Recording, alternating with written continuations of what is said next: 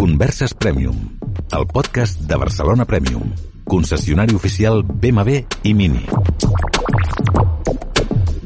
Esteve Llop, responsable de relacions amb clients de Barcelona Premium.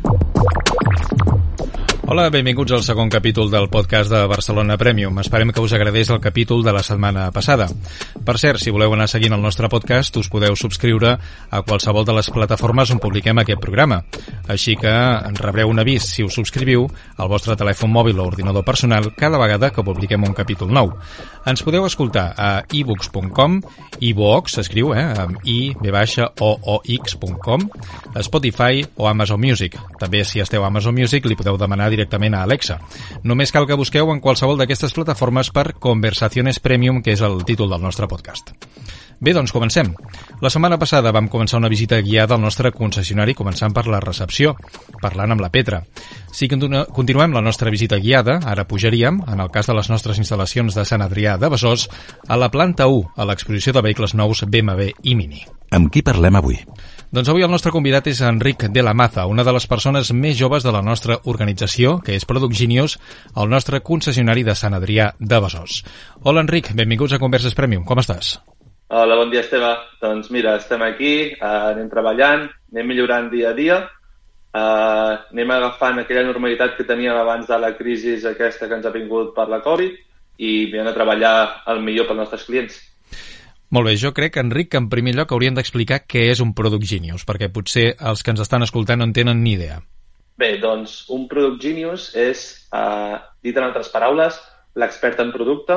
Som un equip de quatre persones i som els que més sabem de producte dintre de les nostres instal·lacions. Eh, la nostra funció bàsica és ajudar tant el client com el nostre equip de BMW poder resoldre aquells dubtes que a vegades són substancials tant per una venda com per quan el client ja està utilitzant el seu vehicle, llavors explicar-li tot el que faci falta. A vegades no podem saber tot, però sí que tenim les eines com per poder saber-ho.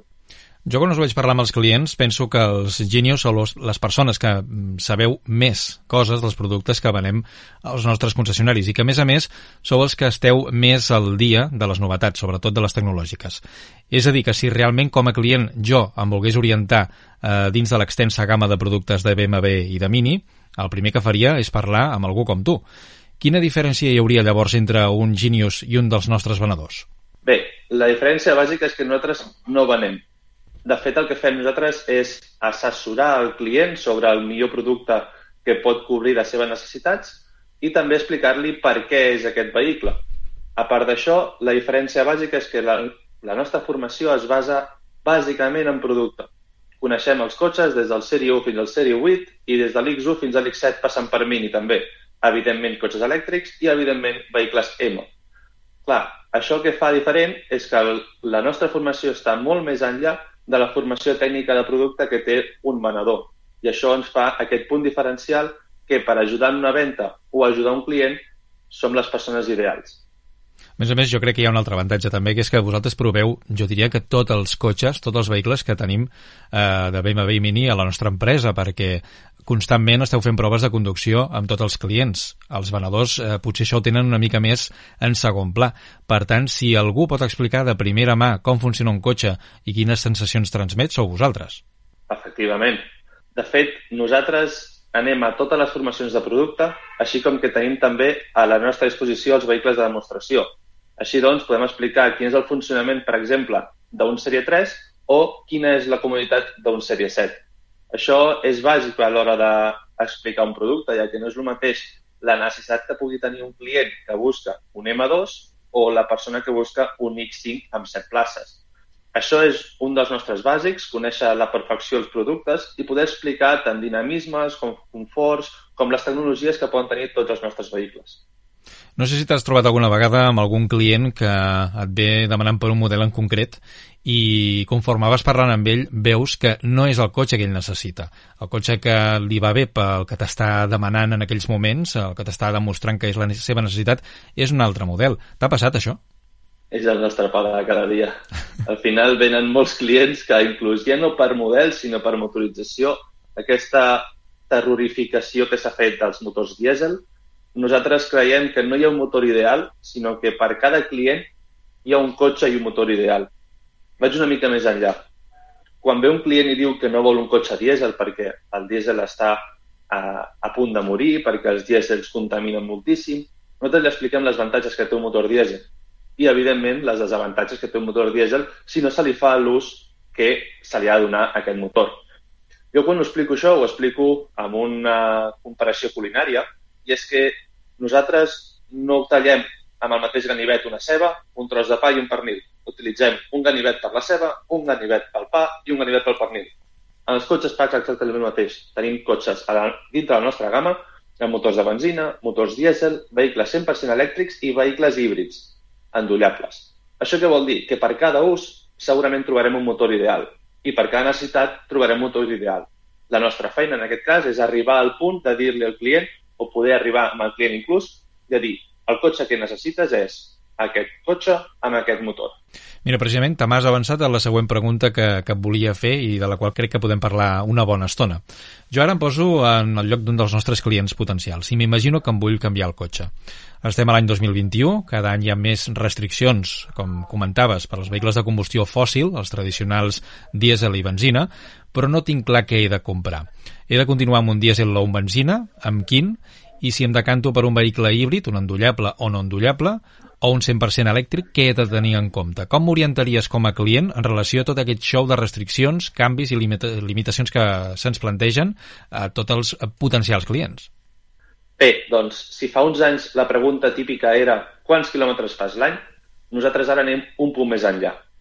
Ja no ens importa tant, que també, els quilòmetres que es fan cada any, sinó que ens importen quants es fan cada dia quin és el recorregut habitual, si tenim un punt de càrrega a casa o podem tenir-ho o el tenim a la feina, i quin és el nostre ús, o sigui, què és el que volem d'aquell cotxe. Doncs, si és un client que el seu ús és fer cada dia 150 quilòmetres, l'orientarem cap a un tipus de cotxe. Si el seu ús és de cap de setmana, anirem cap a un altre tipus de cotxe. Llavors, dintre d'aquest aspecte, nosaltres el que busquem és la màxima eficiència. Un dels nostres valors és mirar que el cotxe sigui el més eficient possible i a vegades l'eficient és un dièsel, malgrat algú li sembli incoherent. Llavors, per cada tipus de client, un motor. Quin és l'avantatge d'un cotxe híbrid? Doncs, per exemple, nosaltres expliquem que en un dia a dia un cotxe híbrid pot fer al voltant d'uns 40-50 quilòmetres, depenent de la motorització i del model, i amb això podem fer que el nostre recorregut Comptant que la mitja europea de desplaçament diari és d'uns 45 quilòmetres, ho cobririen tot el cas. Ara, això sí, per això necessitem que l'usuari tingui un punt de càrrega proper, ja sigui a casa o a la feina o al costat de casa o al súper que va a comprar sovint, però necessitem aquest punt de càrrega. Si no el tenim, doncs haurem de buscar un, una altra motorització, ja que els híbrids, tot i que siguin molt bons, si no els recarreguem, doncs funcionen com un cotxe a benzina. I clar, si no estem utilitzant el vehicle en mode elèctric i passem al mode combustió, que com dius tu, són vehicles normalment eh, motors benzina, eh, acostumen a ser motors també d'una cilindrada notable. Per tant, el consum en mode combustió de benzina és elevat.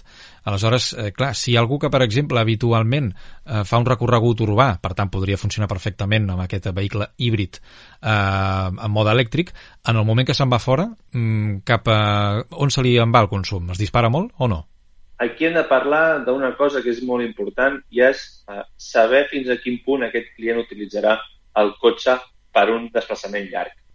Si el client utilitzarà el cotxe per anar esporàdicament a la Costa Brava, un vehicle híbrid pot ser una solució molt interessant, ja que quan un cotxe l'utilitzem a diari en mode elèctric, que un cada setmana pugui tenir un consum més elevat no arriba tant. On està el problema?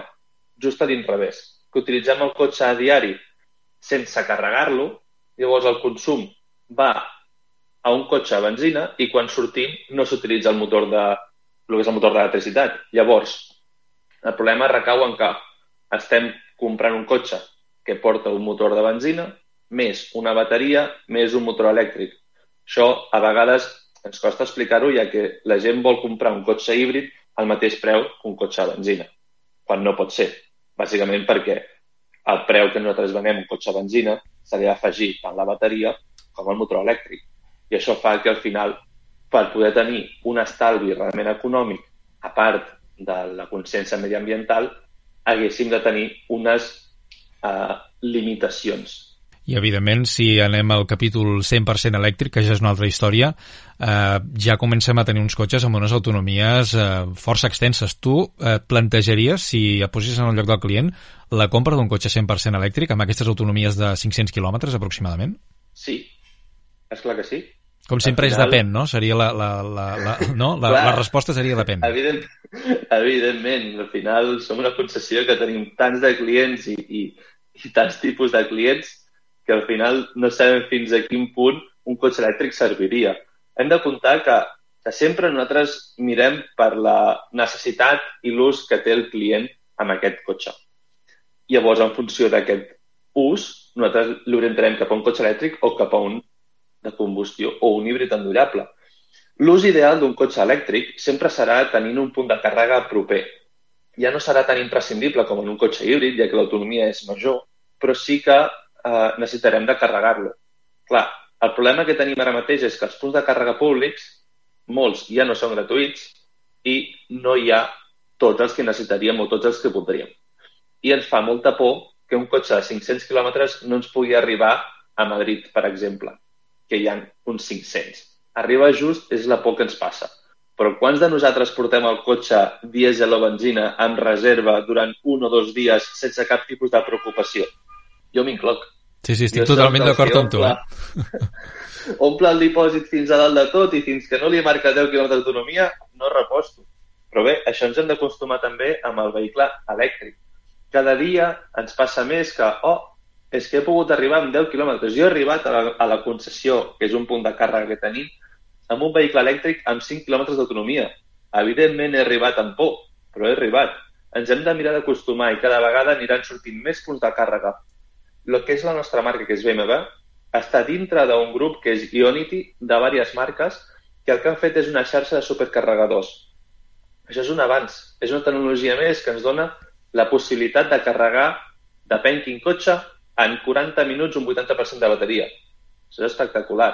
I això farà que cada vegada la gent tingui menys por i s'habituï més a portar aquest motor elèctric.